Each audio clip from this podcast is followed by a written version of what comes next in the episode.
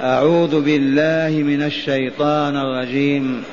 يا أيها الذين آمنوا لا تتخذوا الذين اتخذوا دينكم هزؤا ولعبا من الذين أوتوا الكتاب من قبلكم والكفار أولياء.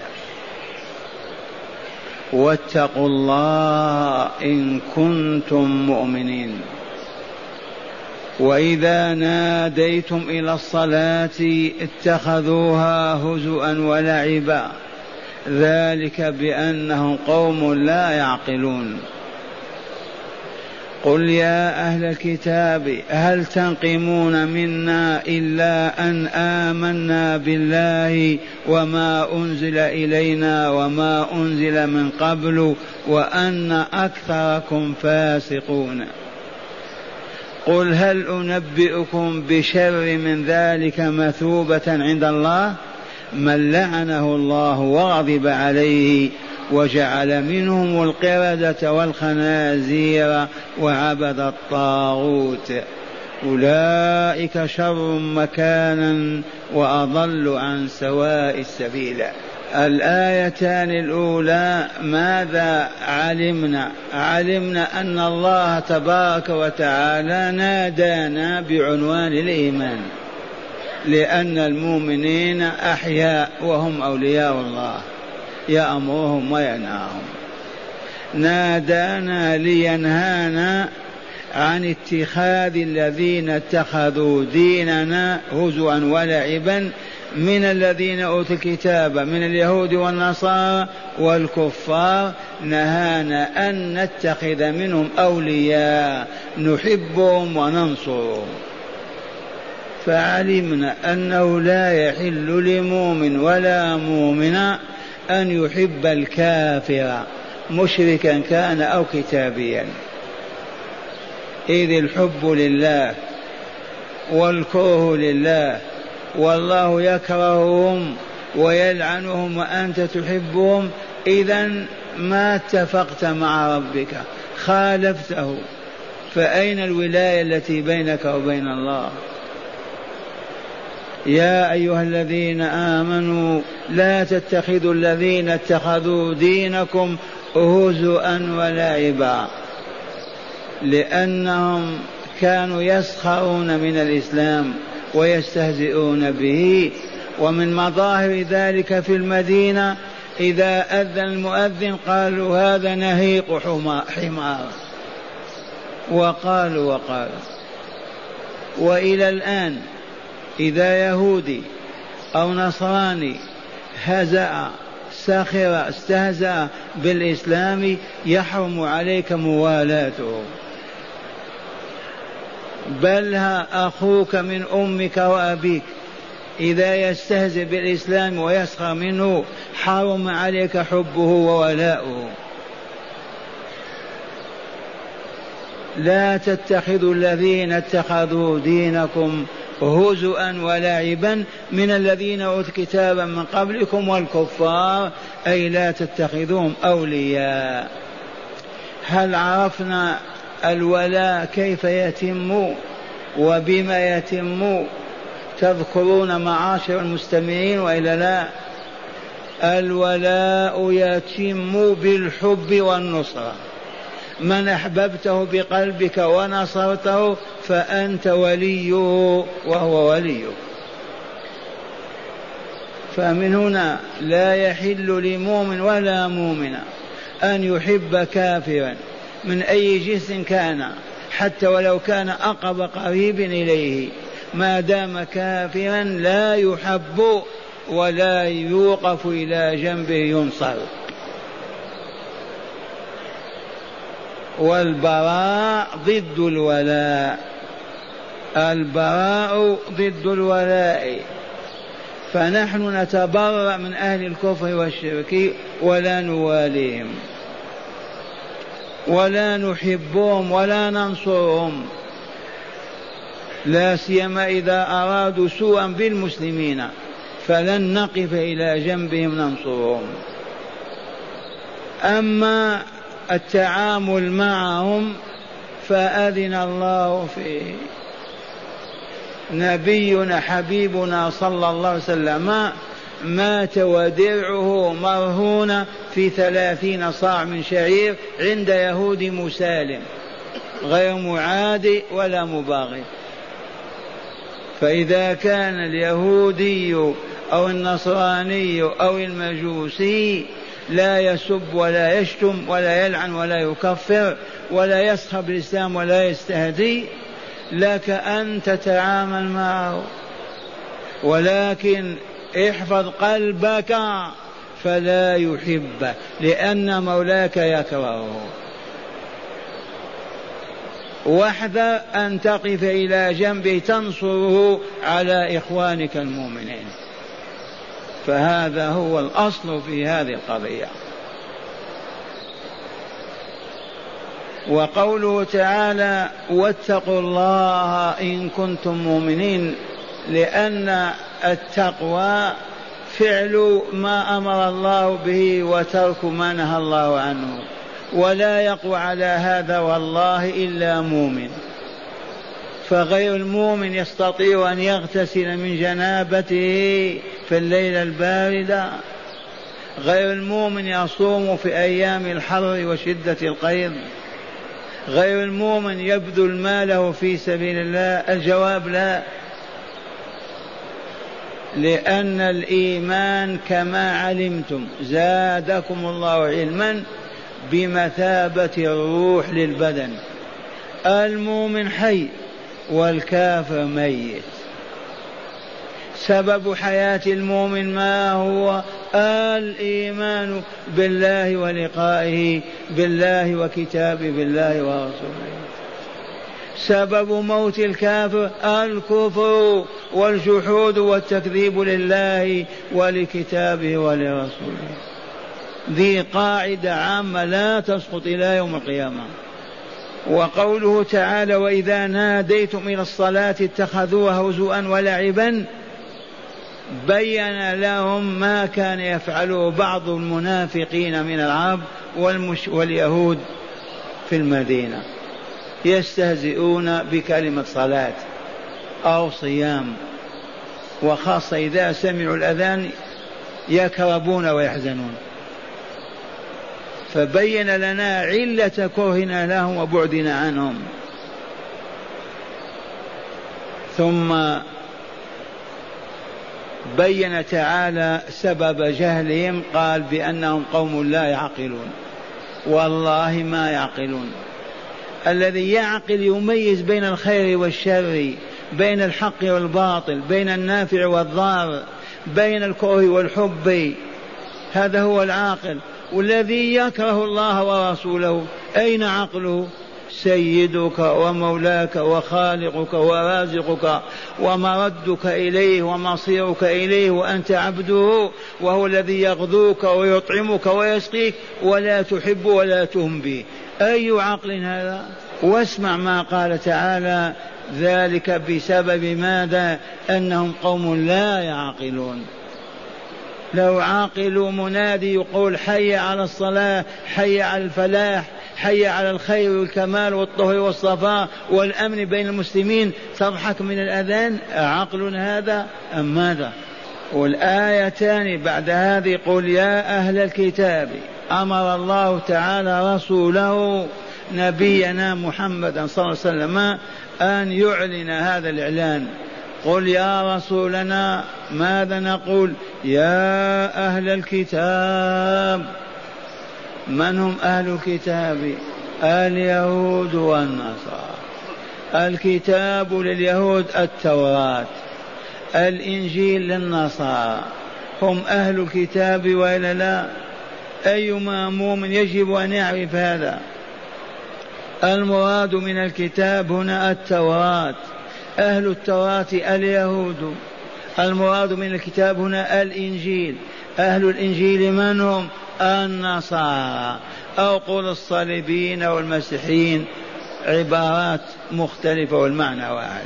يا أهل الكتاب هل تنقمون منا إلا أن آمنا بالله وما أنزل إلينا وما أنزل إليكم من قبل وأن أكثركم فاسقين فاسقون. بين لنا علة كرههم وبغضهم لنا. علمهم يا رسولنا. تنقمون ماذا منا؟ لكوننا آمنا بالله ربا وإلها لا رب غيره ولا إله وحده ولا إله سواه. وآمنا بما أنزل إلينا من القرآن وما أنزل من قبل على موسى التوراة وعلى عيسى الإنجيل. وأن أكثركم فاسقون. فأهل الفسق هم الذين يصدر عنهم هذا الخبث في القول والعمل. بعبارة أوضح. لما يبغض اليهود والنصارى المؤمنين؟ ما هي الأسباب والعوامل؟ فقط لأنهم على حق وأنهم أهل الجنة ودار السلام لأنهم مؤمنون صادقون. معتصمون بحمل الله. لا زنا ولا ربا ولا فسق ولا فجور ولا كذب ولا خيانة ولا ولا هذا الكمال حسد اليهود والنصارى عليه المسلمين. وما تنقم منها إلا أن آمن بالله وما أنزل إلينا وما أنزل إليكم وما أنزل من قبل. هل مثل هذا نبغض من أجله؟ ولكن أكثركم فاسقون. تعليل لطيف. الفسق الفجر هم الذين يقولون الباطل ويرتكبون الآثام والذنوب. ولم يقل وكلكم فاسقون قال أكثركم فاسقون. تحفظ من قد يوجد من لا يفسق ولا يخرج عن طاعة الله. هنا قالوا في صراحة للرسول صلى الله عليه وسلم ما لا نعلم دينا شر من دينك يا محمد. بهذه الصريحة. لا نعلم دينا شر من دينكم أيها المسلمون. لماذا؟ لأنكم تؤمنون بإنجيل عيسى. وعيسى في نظر اليهود ابن زنا وساحر ودجال. لما سمعوا هذه قالوا يا محمد لم نرى دينا شر من دينك.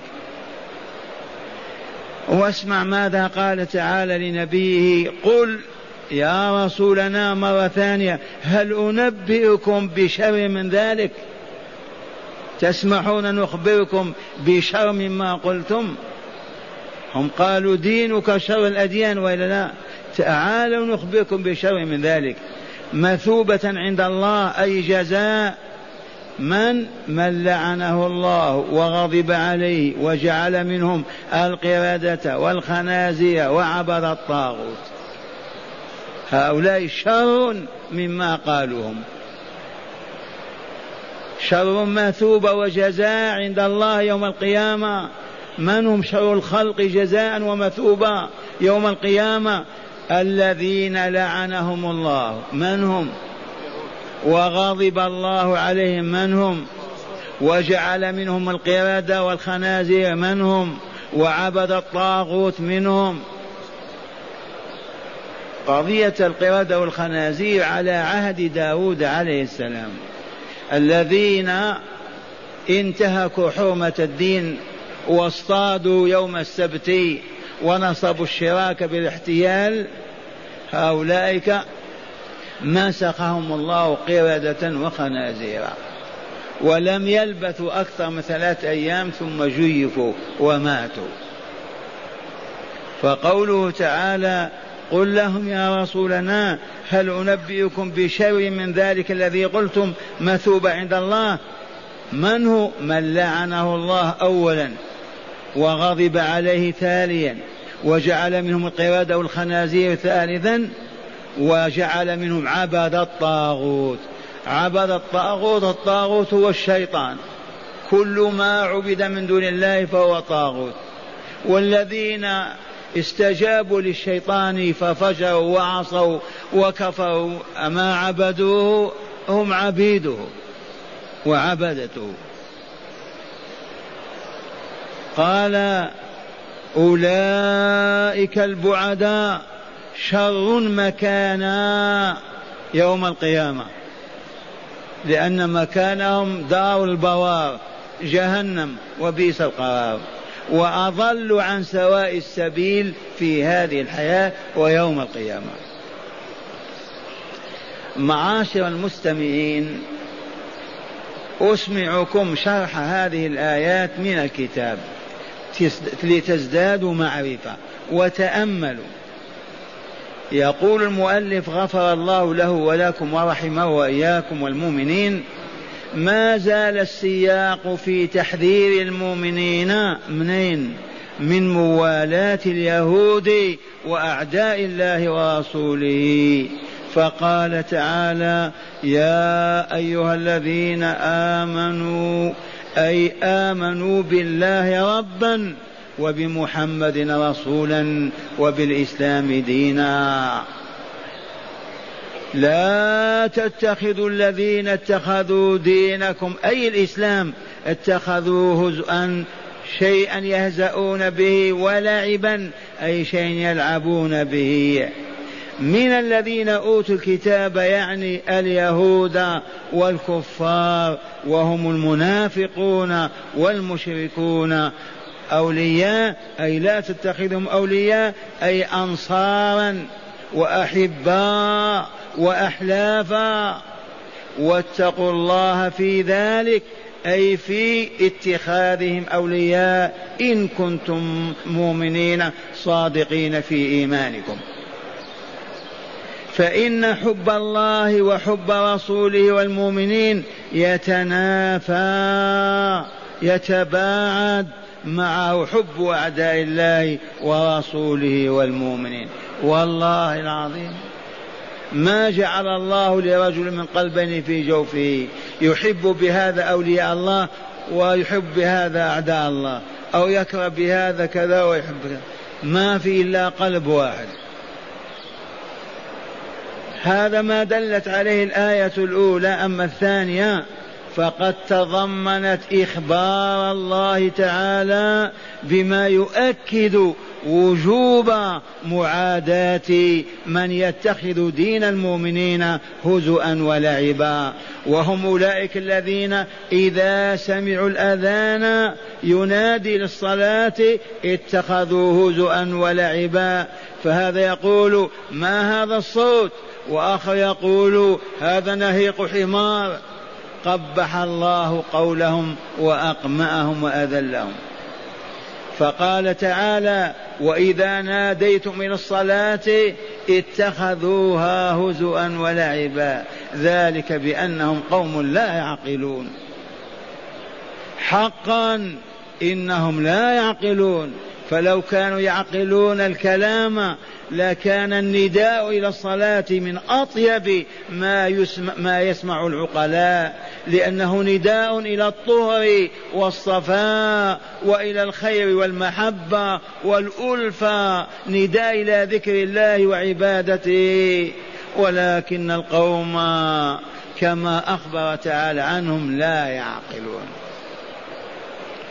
شأنهم شأن البهائم. والبهائم أفضل منهم. صحيح؟ البهائم أفضل. خذوها جديدة اسمعوا هذا البيان. إن الذين كفروا من أهل الكتاب والمشركين في نار جهنم خالدين فيها. أولئك هم شر البريئة. البريئة البرية الخليقة. من شر الخلق؟ المشركون والكافرون من الكتاب.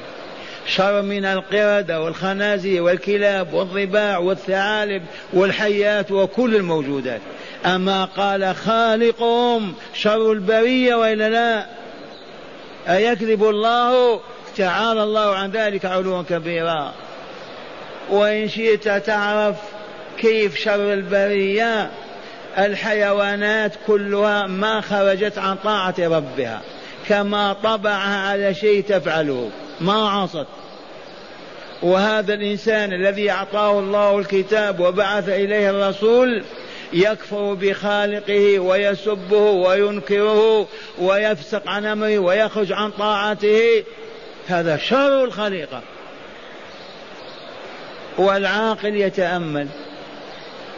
من شر الخليقة الكفار والمشركون.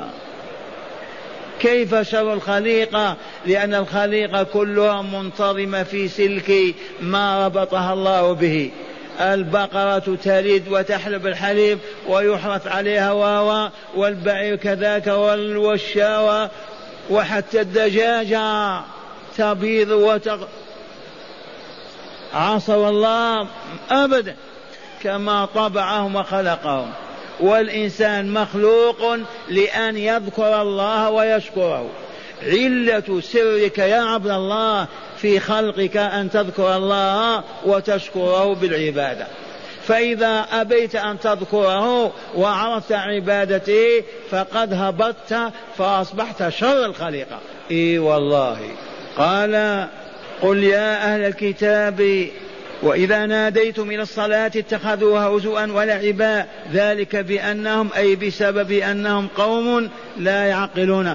قلت حقا إنهم لا يعقلون.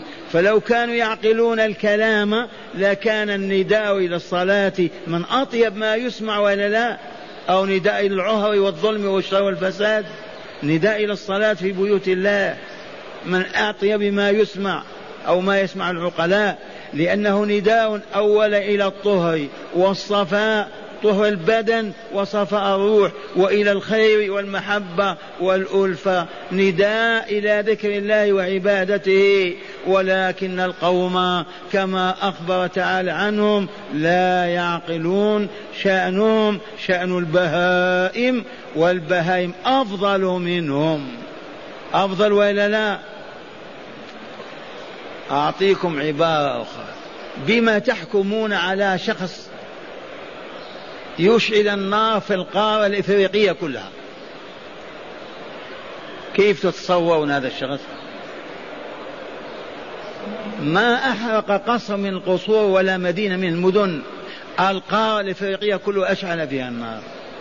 كيف تجازونه؟ ماذا تقولون؟ والذي هدم الملكوت كله.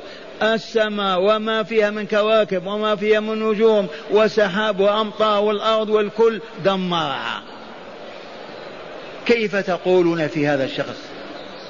ماذا تقولون؟ في شر منه؟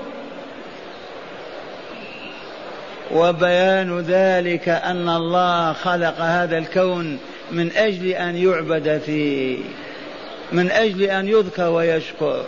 فالذي ترك عبادة الله وهجرها ونسي ذكر الله وابتعد عنه هو بمثابة من خرق الكون ودمره. فلهذا العذاب والجزاء يخلد في عذاب بلا نهاية. فهمتم هذه؟ قال شأنهم شأن البهائم والبهائم أفضل منهم. هذا ما دلت عليه الآية الثانية. أما الثالثة فقد تضمنت تعليم الله تعالى لرسوله صلى الله عليه وسلم أن يقول لأولئك اليهود والكفر والفجر يا أهل الكتاب إنكم بمعادتكم لنا وحربكم علينا ما تنقمون منا أي ما تكرهون منا ولا تعيبون علينا إلا إيماننا بالله وبما أنزل علينا من هذا القرآن الكريم وبما أنزل من قبل من التوراة والإنجيل. وكون أكثركم فاسقين. فهل مثل هذا ينكر من صاحبه ويعاب عليه؟ اللهم لا ولكنهم قوم لا يعقلون. هذا معنى قوله تعالى في الآية قل يا أهل الكتاب هل تنقمون منا إلا أن آمنا بالله وما أنزل إلينا وما أنزل من قبل؟ وإن أكثركم فاسقون. أما الآية الرابعة في هذا السياق فقد تضمنت تعليم الله لرسوله كيف يرد على أولئك اليهود إخوان القردة والخنازير. قولهم. ماذا قالوا؟ كيف يرد عليهم قولهم لما قالوا لا نعلم دينا شر من دينكم.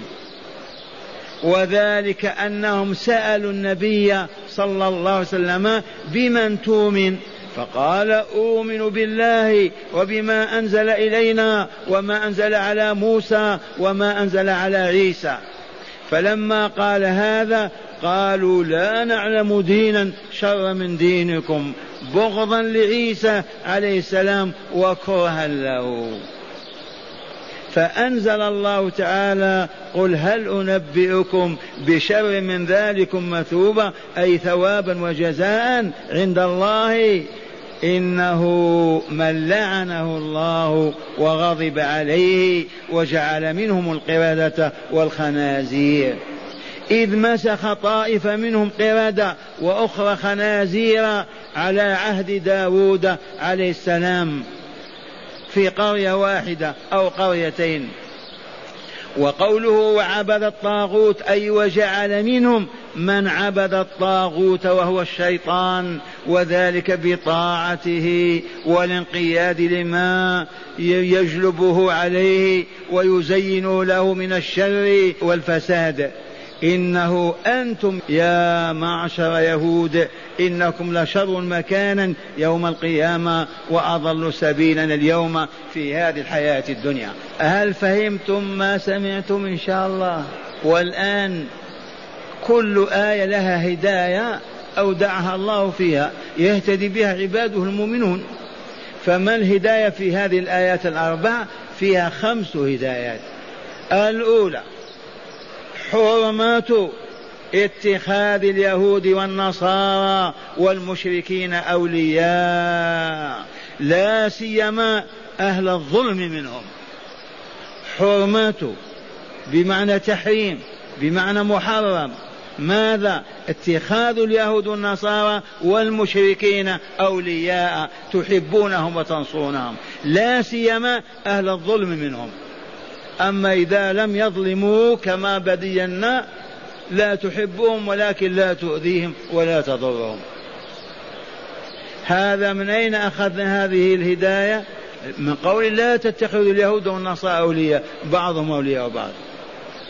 ثانيا سوء أخلاق اليهود وفساد عقولهم. وإلى الآن سوء أخلاق اليهود وفساد عقولهم كيف يسخرون من الأذان؟ يستهزئون بمن يقول الله أكبر وحي على الصلاة. أي عقل هذا صالح؟ هذا فساد العقول عياذ بالله. وهو هبوط الأخلاق. العاقل ما تسخر من أخيك الإنسان في أي شيء أو تستهزئ به. إن أردت خيرا انصح له قل هذا ما يليق. أما تسخر وتستهزي هذا ليس من صفات العقلاء.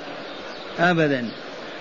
ثالثا شعور اليهود وإحساسهم بفسقهم وبعد ضلالهم جعلهم يعملون على إضلال المسلمين. تأملوا. شعور اليهود علمهم بفسقهم والله لا يعلمون أنهم فاسقون. خارجون عن طاعة الله عز وجل وطاعة رسله يشعرون بهذا يعلمونه. وبعد ضلالهم ضلال ما هو قريب. الفتن كلها في العالم هم التي يشعلون نيرانها. من أجل هذا يعملون على إضلال المسلمين وإفسادهم حتى يتساووا معهم. أدركتم هذه الحقيقة وإلا لا؟ هذا عندنا بين المسلمين الشخص إذا تمرغ في الأوساخ بوده أن الناس يفعلون ما يفعل. فتح مخمرة يفرح إذا فتحت أخرى حتى ما يبقى يلام هو. أمر عادي هذا. فاليهود عرفوا هبوطهم وحرمانهم وخسرانهم في الآخرة من أجل هذا يبغضون المسلمين. لما المسلمون يسعدون ويدخلون الجنة ونحن نشقى وندخل النار؟ إذا نعمل على إفسادهم لنتساوى معهم. فطر هذا في غرائز البشر. رابعا تقرير وجود مسخ في اليهود قردة وخنازير لو يقول المؤرخون ما وقع هذا؟ والله لا نلتفت إليه ولا نسمعه. وكيف وقد أخبر الله تعالى؟ وقد وقع بالله الذي لا إله غيره. ونقرأ الآية الكريمة. واسأل القرية التي كانت حاضرة البحر إذ يعدون في السبت إذ تأتيهم حيتانهم يوم سبتهم شرعا ويوم لا يسبتون لا تأتيهم كذلك نبلوهم بما كانوا يفسقون. وإذ قالت أمة منهم لم تعظون قوما الله مهلكهم أو معذبهم عذابا شديدا؟ قالوا معذرة إلى ربكم ولعلهم يتقون. ولقد علمتم الذين اعتدوا منكم في السبت. زيد وقلنا لهم كونوا قردة خاسئين. الشاهد عندنا قد يقول قائل لا لا لا ما وقع هذا. والله لقد مسخ عدد من اليهود قردة أي في أشكال قردة وعدد في أشكال الخنازير. وأطلوا عليهم القرى كانت تصور بأسوار. ثلاثة أيام ما خرج واحد منهم أطلوا عليهم فوجدوهم جيف على الأرض. تقرير وجود مسخ في اليهود قردة وخنازير. خامسا اليهود شر الناس مكانا يوم القيامة. اليهود شر الناس مكانا متى يوم القيامة وأضل الناس في هذه الدنيا. أضل الناس اليهود. وذلك لعلمهم ومخالفتهم ما علموا عن الله ورسوله. معاشر المستمعين جولة مع المناسك. المناسك عرفتم أننا نحرم من الميقات وإلا لا؟ ولا يحل لأحد أن يحرم داخل المواقيت. وإن ركب رأسه وفعل فليتب إلى الله وليستغفره وليكفر عن ذنبه بذبح شاء في مكة والحرم. كيف يحرم؟ كما قلنا يتجرد ويغتسل ثم يلبس إزار ورداء ويكشف عن رأسه ويلبس نعلين لا حذاءين. ثم يقول لبيك اللهم لبيك بعد أن يصلي ركعتين أو بعد أن يصلي فريضة إذا أمكن. وإذا ما تأتى وهو على السيارة أو الطيارة لبيك اللهم لبيك عمرا لا رياء فيها ولا سمعة هذا الذي يريد أن يتمتع. يمشي يلبي والتلبية هذه معناها إجابة أمر الله ودعوته. لبيك اللهم لبيك إجابة لك بعد إجابة. إذ ناديتني ودعوتني لأزور بيتك. فها أنا ذا قد أجبتك المرة بعد المرة. والذي يظل يلبي يمسي وقد غفر ذنبه كله. وكانوا يقضون من المدينة إلى مكة تسع أيام ثمانية أيام تلبية ليلا نهارا. الآن نحن ما بقي هذا. ست ساعات أقصاها أربع ساعات. إذا فلا نشتغل بغير التلبية. وصلت المسجد الحرام. ماذا قلنا في الاطباع؟ لما تدخل المسجد إذ الطابع أي اجعل يدك اليمنى تحت لا فوق إزارك فوق إزارك أو رداك الإزار ما يتزر به نصف الأسفل والرداء الفوق ما يرتديه. هذا للطباع بالأمس عرفنا سره وإلا لا إظهار القوة وذكرها وعدم نسيانها.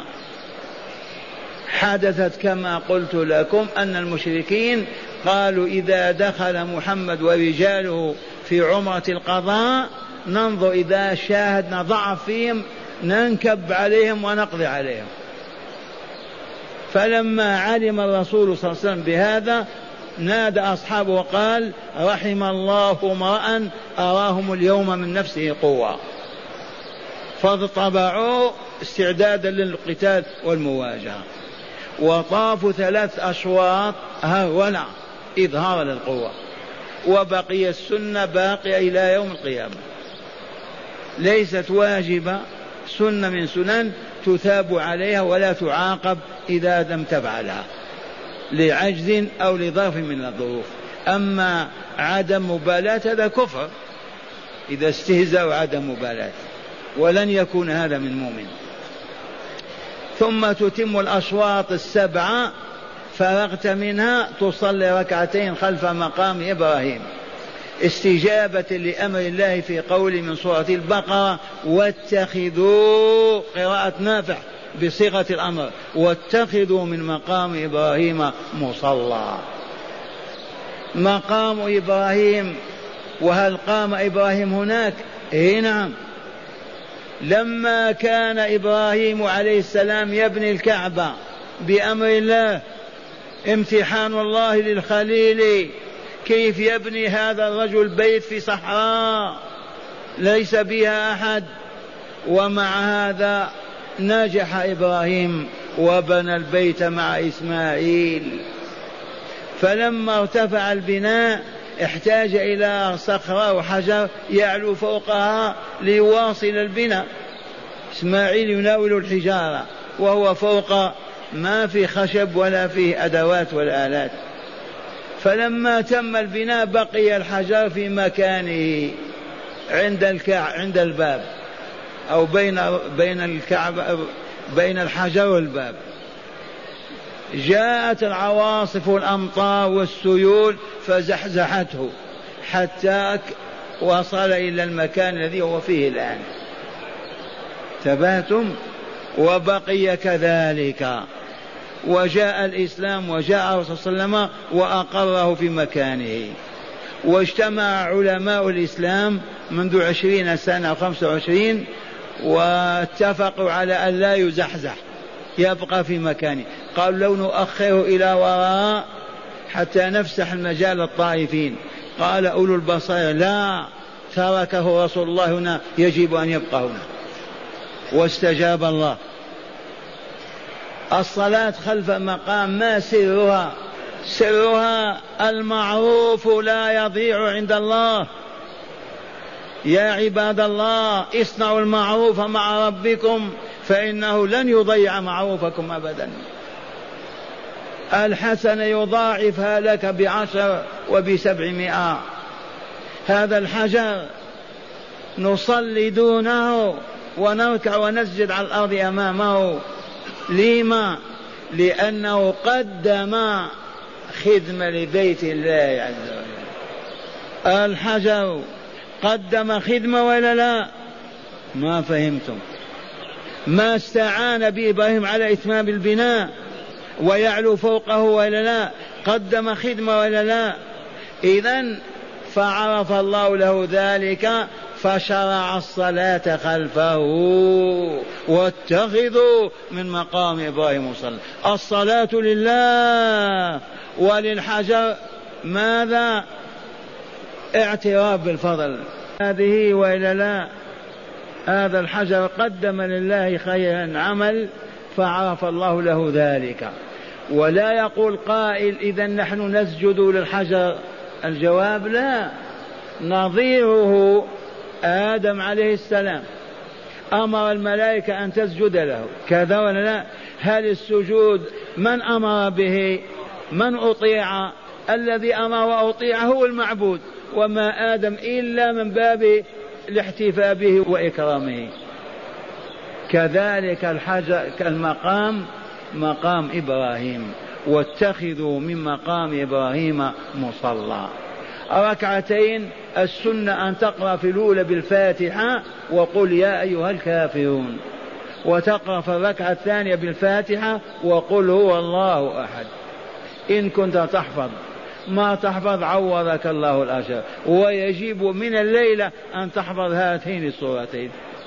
الناس حافظوا الأغاني بالمئات. فإذا صليت ركعتين وأنت محرم بالعمرة لأنك ما تستطيع تفرد الحج وتأتي بعمرة أخرى ولا تستطيع القران فيكون قرانك أفضل أنت متمتع. اذهب إلى الصفا والمروة. إن انتقض وضوءك يجوز أن تسعى وأنت على غير وضوء ولا حرج. ابدأ بالصفا كما قال الحبيب صلى الله عليه وسلم أبدأ بما بدأ الله به وقرأ إن الصفا والمروة من شعائر الله فمن حج البيت أو اعتمر فلا جناح عليه أن يطوف بهما. أبدأ بما بدأ الله. ارقى الصفا والآن ممهد مبيض مزين ما في خشونة ولا حجارة ولا ثم استقبل الكعبة وقل الله أكبر الله أكبر الله أكبر. ثلاثة لا إله إلا الله وحده لا شريك له له الملك والحمد يحيي ويميت على كل شيء قدير. لا إله إلا الله وحده صدق وعده ونصر عبده وأعز جنده وهزم الأحزاب وحده. ثلاث مرات ثم انزل. تسعى عندما تصل إلى الميل الأخضر. كهرباء خضراء الآن. كان عمود مطلق ملطخ بالخضرة الآن الكهرباء خضراء.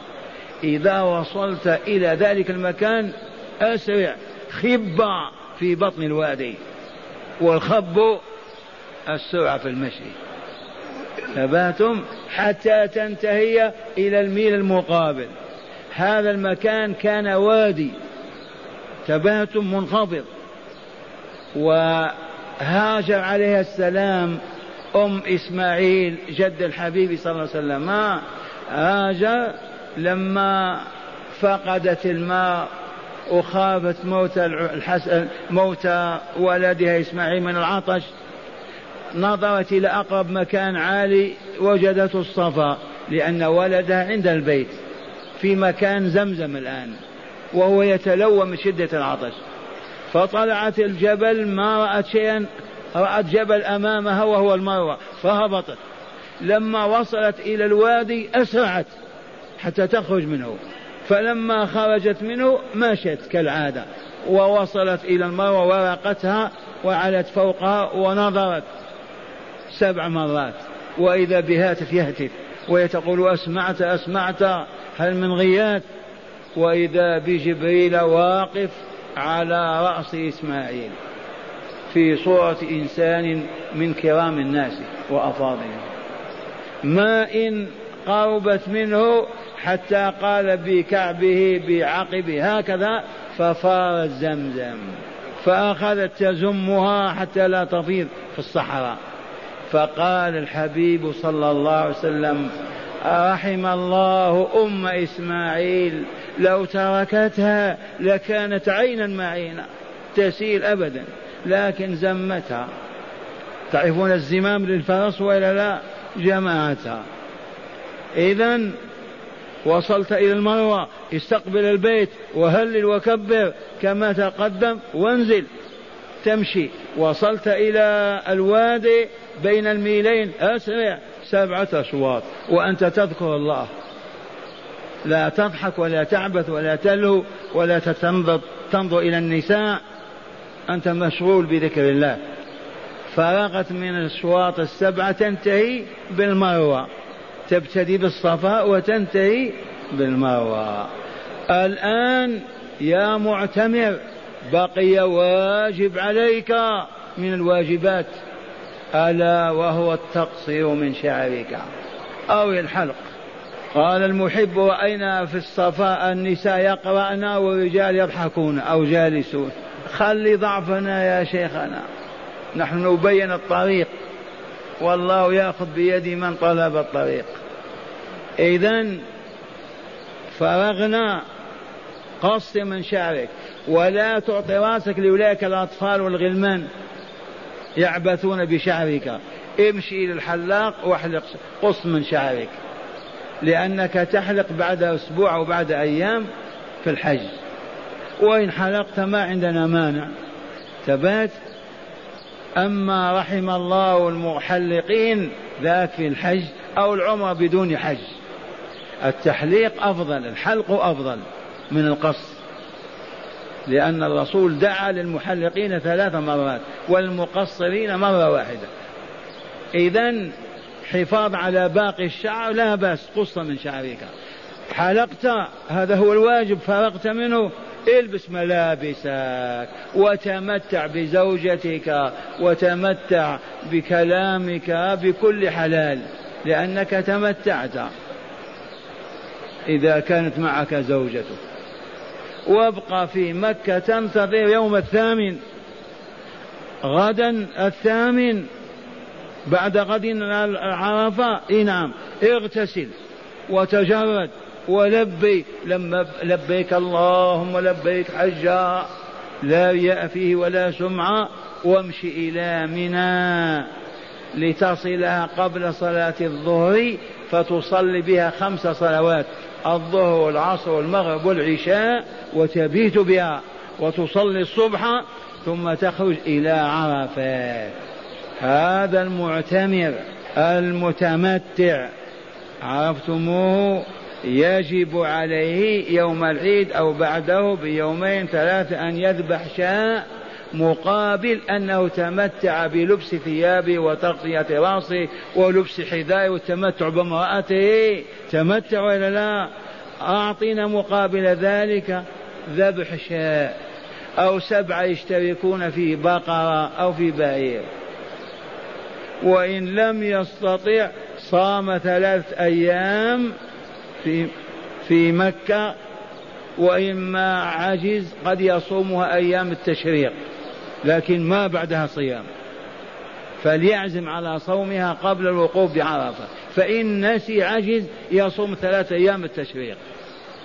فإن لم يصومها تعين الذبح. إذا هذا هو المتمتع تقبل الله منا ومنه.